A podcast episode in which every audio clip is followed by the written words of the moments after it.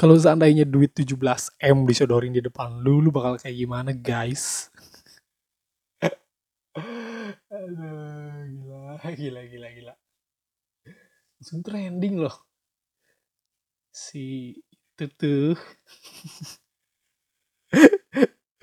ya udahlah di Twitter, Twitter kalau yang nggak, kalau buat kalian semua yang bingung itu apaan di Twitter aja kalian browsing 17M apa tuh? 17 yang lagi ramai diomongin sama orang-orang di Twitter. Anyway selamat datang kembali di Mix Music Club episode ketiga guys. Guys episode ketiga guys. Dan aduh gue belum terlalu sering memberikan penjelasan tentang mix music club itu seperti apa harusnya gue rajin-rajin ngejelasin dulu sih di awalnya biar eh, karena gue yakin pasti banyak yang masih baru mendengarin karena emang ini episode-episode awal juga. Jadi biar nggak terlalu high expect banget orang-orang yang baru pertama dengerin harusnya gue ngejelasin sih apa itu mix music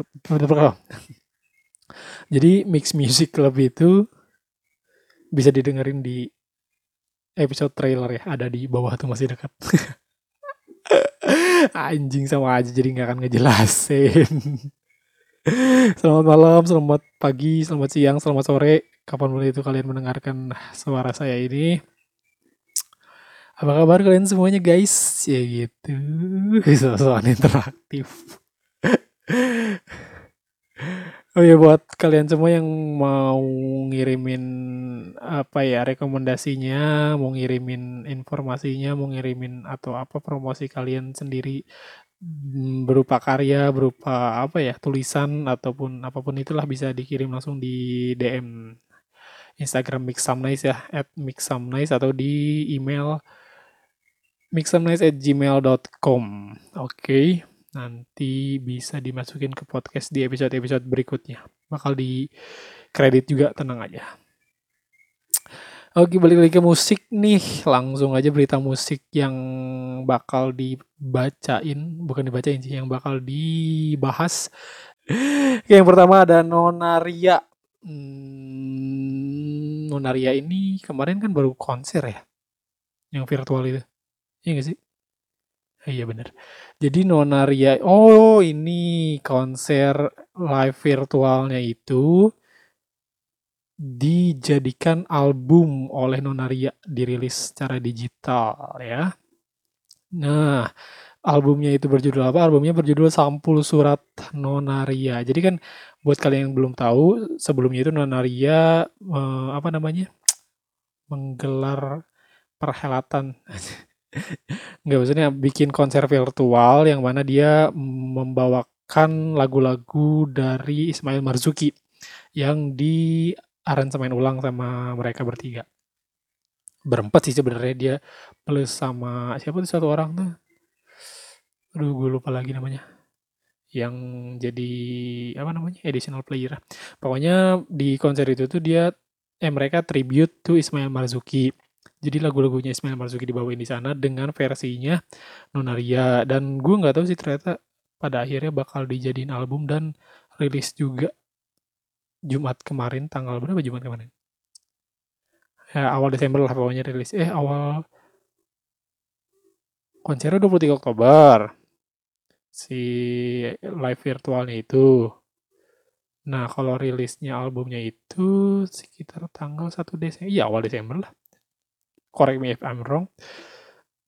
Nah, si apa namanya? Lagu-lagu Ismail Marzuki-nya juga agak-agak sedikit interesting nih. Soalnya kalau uh, lu yang ngikutin banget Nonaria, mungkin udah nggak terlalu aneh kali ya kalau misalkan apa namanya lagu-lagu Ismail Marzuki yang dijadikan uh, pilihan mereka ya, yang dibawakan oleh mereka di live virtualnya itu adalah lagu-lagu bukan lagu-lagu yang familiar yang suka di-cover sama orang-orang karena ya Nonaria namanya juga ya. OG anjay. Nah, si lagu-lagunya itu tuh uh, emang masih ada sih lagu-lagu familiar kayak Sabda Alam juga dimasukin. Terus kayak lagu Juwita Malam eh, Juwita Malam ada gak sih? Perasaan dibawain deh. Eh, enggak, eh, iya iya iya ada ada sab Juwita Malam, Sabda Alam Sabda Alam, iya bener Sabda Alam, Juwita Malam, Sabda Alam, terus juga Sepasang Mata Bola tuh yang mas yang familiar di kalangan orang-orang yang banyak di-cover sama orang-orang juga tuh dimasukin ke dalam album live sampul Surat Nonaria ini. Selain itu ada juga judul-judul lainnya yang um, kalau gue jarang sih ngedengerin judul-judul lagu Ismail Marzuki ini kayak Sampul Surat, terus Ariat Ariati kayaknya pernah denger. Bunga Anggrek, Selendang Sutra, Kunang-kunang, terus Rindu Lukisan dan Tinggi Gunung Seribu Janji.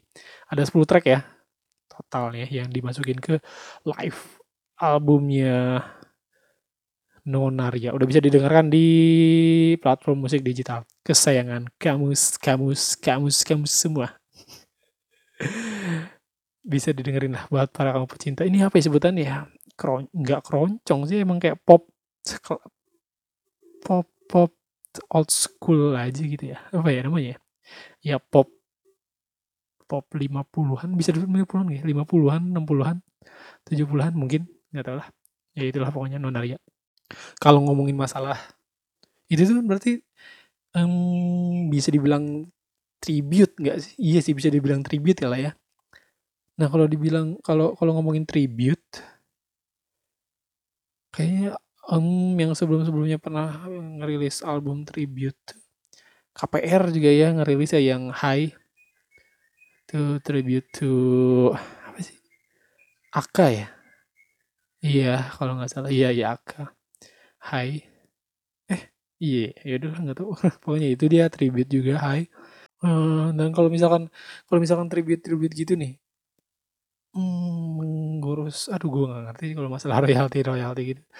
Tapi masalahnya kan ini rilisan-rilisan yang nggak common dan nggak pada umurnya. Maksudnya kayak ketika musisinya lahir, ketika musisinya itu membuat karya, musisinya itu kan mengurus segala permasalahan royalti, copyright dan sebagainya itu diurus berdasarkan hmm, keadaan industri musik pada zaman mereka merilis karya.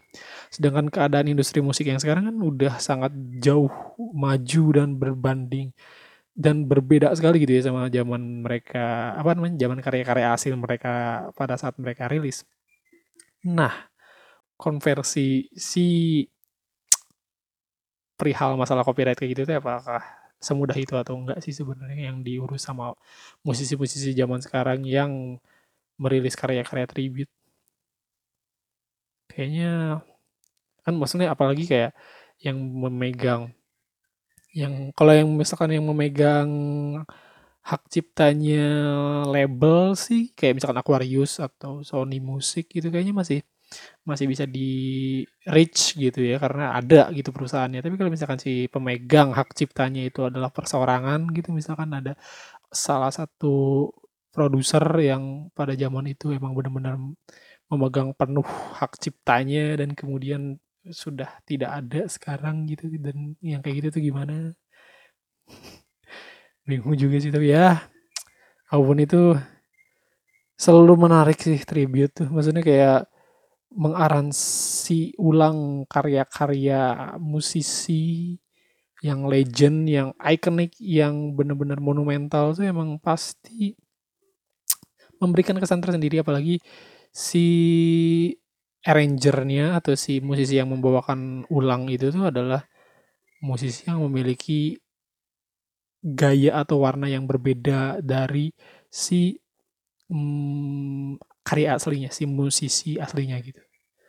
Itu kayaknya bakal ngasih kesan baru dan nggak baru gitu. Sih kesan nggak baru itu karena emang lagunya udah uh, lama dan legend dan ikonik.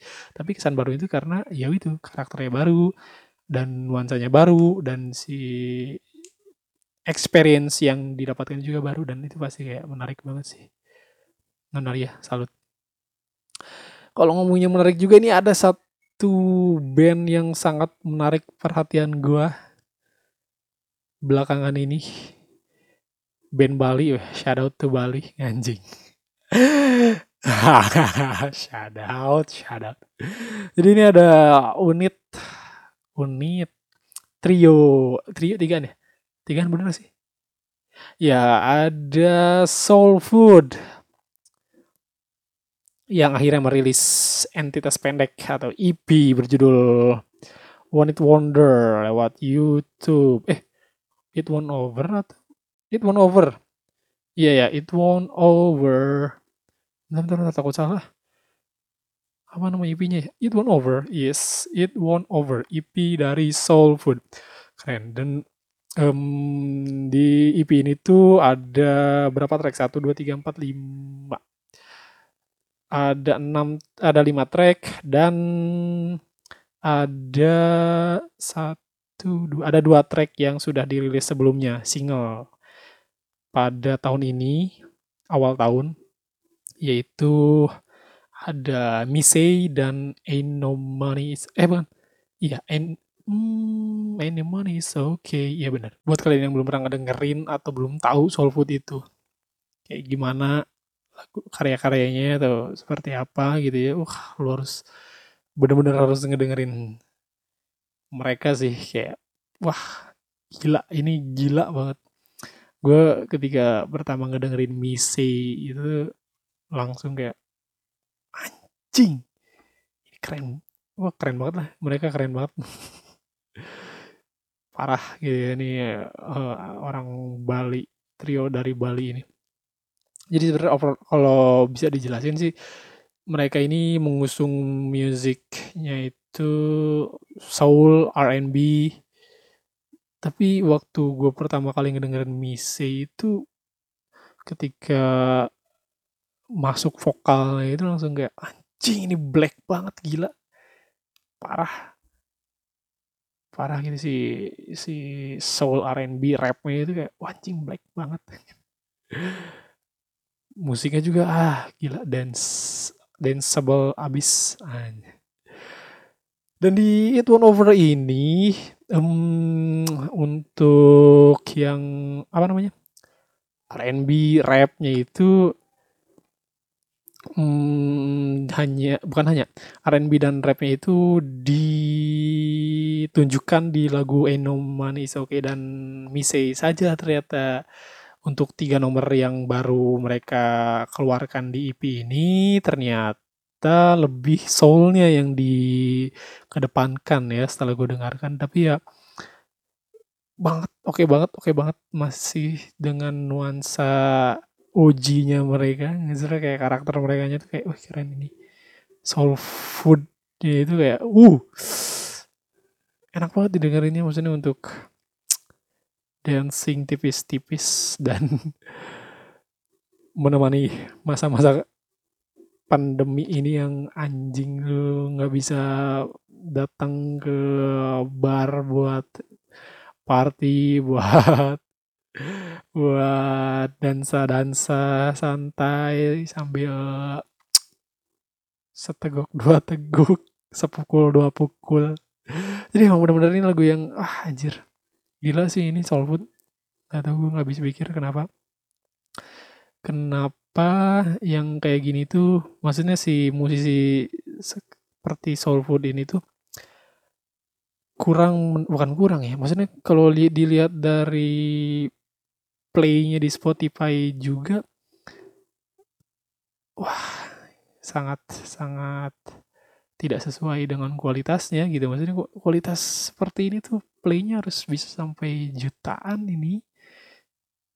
Ngeri banget ini lagu lagu-lagunya mereka sumpah. Dengerin deh. Bener-bener harus dengerin please. Dengerin semuanya dengerin soul food. Harus dengerin semuanya ini keren banget. Ya jadi kayak si um, It One Over ini dirilisnya itu pada tanggal berapa kemarin tuh ya gue kalau ngomongin tanggal suka lupa-lupa gitu ya. Nggak pernah tahu tanggal pasti. Pokoknya waktu itu dirilis perdana eh premiernya itu di YouTube. Di channelnya Soul Food Musik Bali gitu kan. Makin nggak sabar sebenarnya ini si Soul Food ini bakal seperti apa. Dan gue pengen banget nonton live nya sih. Bener serius ini pengen banget nonton live-nya. Tolong selesaikan corona ini agar Soul Food bisa ke Pulau Jawa Jakarta kayak Bandung kayak gue pengen banget nonton live ya atau gue yang ke Bali sih apa apa. Ada yang mau bawa gue ke Bali tolong bawa gue ke Bali supaya gue bisa nonton Soul Food please. Ada ada ada ada ada. Selanjutnya ada ini nih. Wah ini gue kaget waktu pertama ngelihat ada teman gue yang retweet di Twitter. Ya di Twitter lah retweet namanya juga. Jadi ada berita mengenai rilis split rilisan split yang dilakukan oleh Barefoot dan Fig. Wah ini nih. Kacau kacau. Bahaya bahaya bahaya. Setelah Barefoot itu terakhir berarti Milk Box ya I, 2017 2017 tuh bayangin tiga tahun cuy Terus kemudian sebenarnya tahun 2019 dia sempat ngerilis lagi sih, ngerilis lagi apa namanya? eh EP yang judulnya itu ini Sulen Sulen Sulen Sulen eh Sulen. Iya, EP dalam format ini vinyl. Dan si Barefoot udah nggak ada rilisan apa-apa lagi sebenarnya gitu kan. Jadi ya udah Milk Box sama Sulen ini aja yang benar-benar sangat monumental dan menjadi apa ya bisa bilang rilisan lokal yang paling berpengaruh sih kalau menurut gue di di kancah permusikan indie gila sudah di kancah dunia musik side stream ya nah si si Barefoot ini akhirnya merilis lagi karya ini nih, karya terbarunya mereka dalam bentuk dalam format split release dengan Fake. Nah, sedangkan untuk Fake itu sendiri sebenarnya akhir-akhir ini dia baru ngerilis uh, single yang berjudul apa sih kemarin tuh di titik eh, di antara bising itu single terbarunya mereka. Nah, si single terbarunya mereka itu dipakai di split release ini. Sedangkan untuk si Barefoot, dia merilis single terbarunya yang belum pernah dirilis sama sekali yang berjudul Dumb Sucker. Gila, gila. Kangen dah. Tuh, kangen dah. Tuh, buat lu semua tuh. Barefoot. Barefoot itu Bekasi? Masih, masih cuy. lah, lah. Iya. Jadi begitulah si split album ini akhirnya rilis. Dirilis. Tapi dirilisnya sayang sekali ini baru di Bandcamp Guerrilla Records. Recordsnya fake. Eh, si anak-anak fake, anak-anak barefoot juga di sana masih. Mungkin anak-anak fake yang di sana.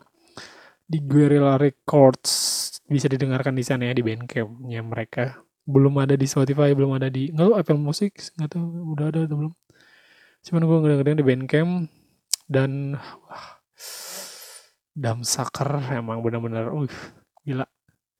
Asli mengobati kekangenan banget bener. Bener mengobati kekangenan masa-masa jayanya Sulen.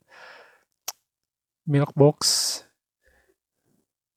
keren lah baru ditunggu lagi untuk karya selanjutnya. Oh iya dan juga katanya sih si split release ini bakal dibikin fisiknya katanya buat kamu-kamu semua siap siap menabung dan berburu rilisan fisik split mereka ya.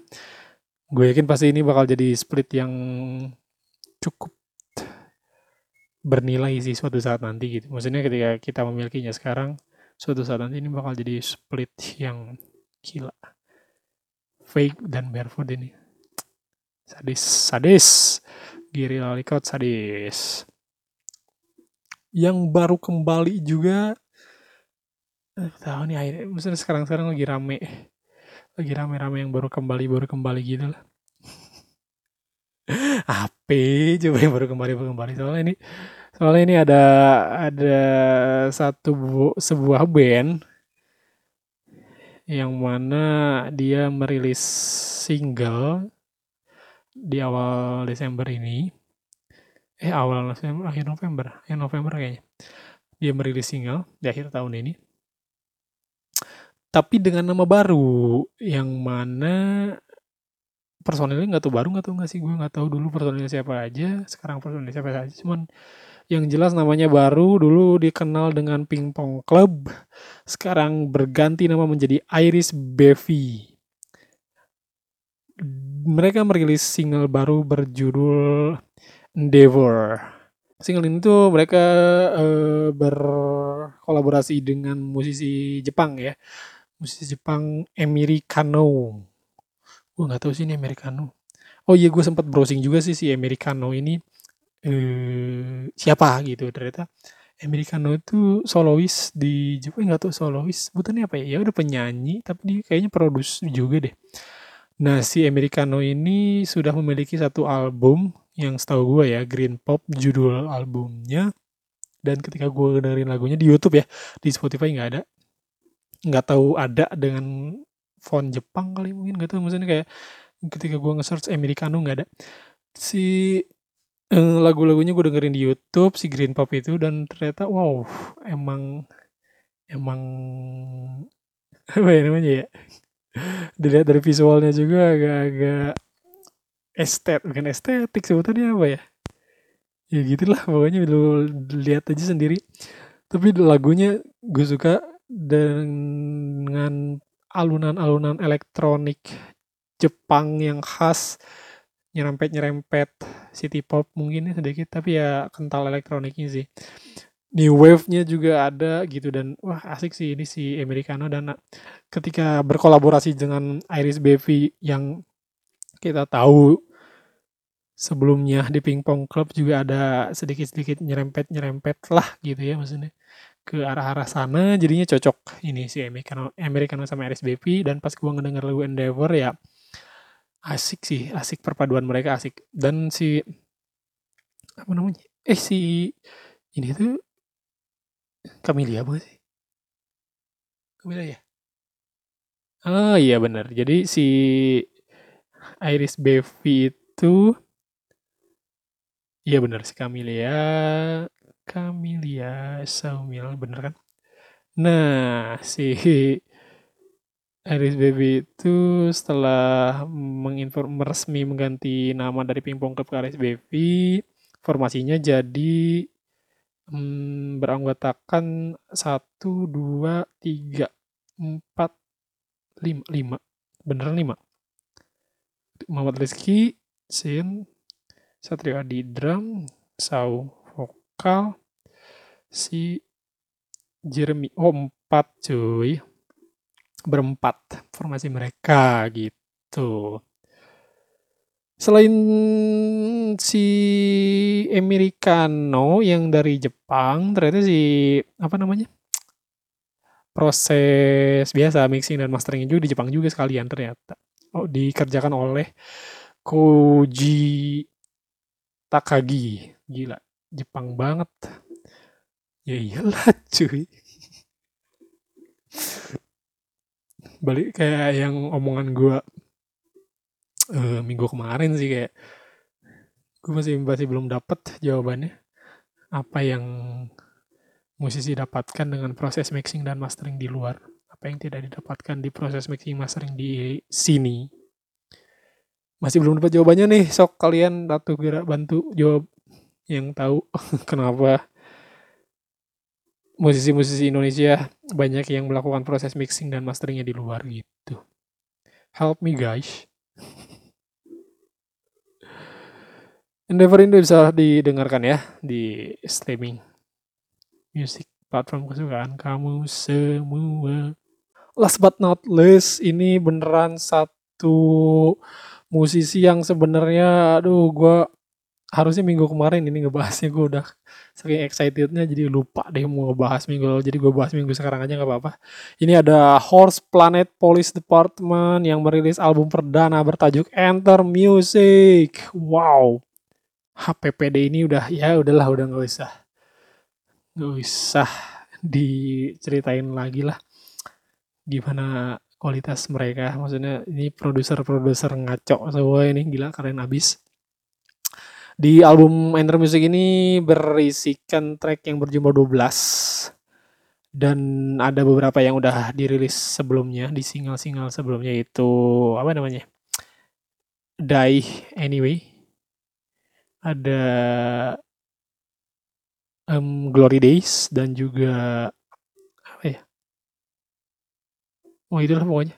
Nah si uh, album Enter Music ini gue gak tau kenapa ya si Horse Police Horse Planet Police Department ini ketika gue ngedengerin lagu-lagunya mereka yang ketika ini ya versi setelah hiatusnya ya bukan yang awal-awal. Gue ngerasa kayak si musik yang mereka sajikan tuh ketika didengarkan membawa gue ke dimensi yang berbeda gitu. Lebay sih tapi ya bener kayak kayak ada perjalanannya gitu dari intro sampai ke ending tuh gitu. Jadi kayak kayak dituntun gitu sama si musik ini tuh. Dituntunnya itu ya makin ke sini tuh jadi makin jadi kayak makin mendengarkan tuh jadi makin dancing gitu. Jadi ngerti gak sih kayak awal kayak seolah-olah kita masuk ke bar deh misalkan kayak intro tuh kita baru di parkirannya gitu kan baru ngedengar sayup-sayupnya.